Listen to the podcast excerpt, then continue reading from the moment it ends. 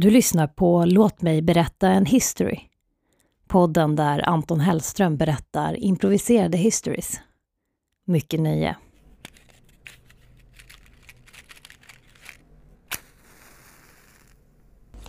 En radiodokumentär om livet på landet. Vi får följa med familjen Andersson när de slaktar sin första ko, sår sitt första gräs och bygger en ny lada ute på kullen där de har fått lov. Avsnitt 1. Pappa är hög. Fick du någonting i påsen? Frågade far.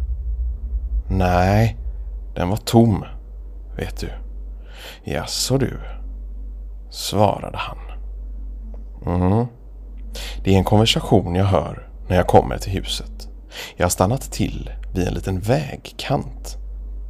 En bit nedanför kullen och ska strax bege mig upp till familjen Andersson som har planerat sin första bondgård. Ett hus har de köpt med stall och ko.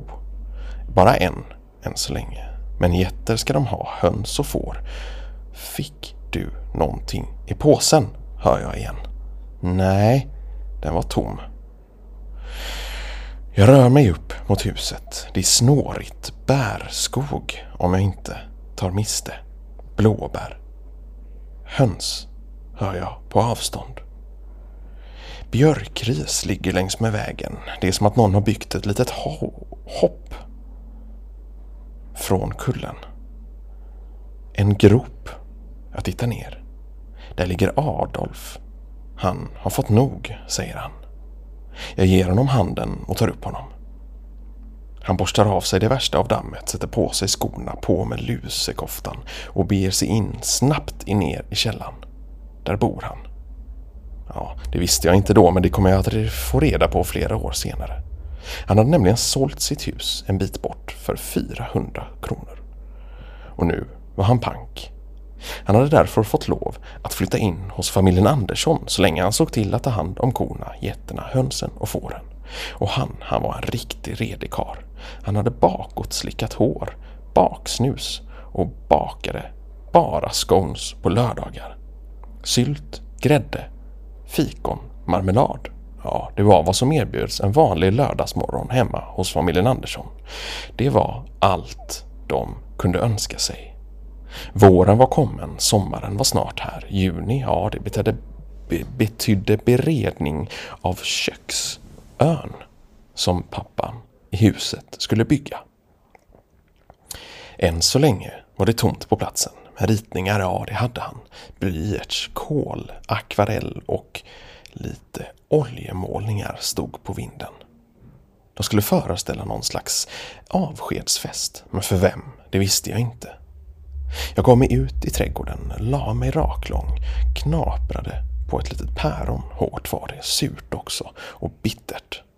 Men, men, nog skulle jag få in mina åsikter och försöka påverka de andra. Jag skrev ner mina värsta anteckningar jag kunde komma på. La dem i ett kuvert, postade dem och två dagar senare hamnade de hos länspolismästaren Läckberg. Han öppnade brevet, fick syn på mina anteckningar och ställde sig frågan vem kan ha skrivit detta? Mm. Ja, nu har jag i och för sig inte gjort detta utan detta är mina fantasier, men jag drömmer om att göra något liknande. Polismästaren har varit mig hack i häl åren igenom.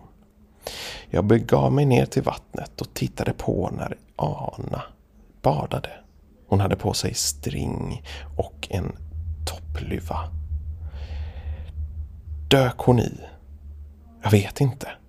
Men något typ av hopp klarade hon i alla fall av.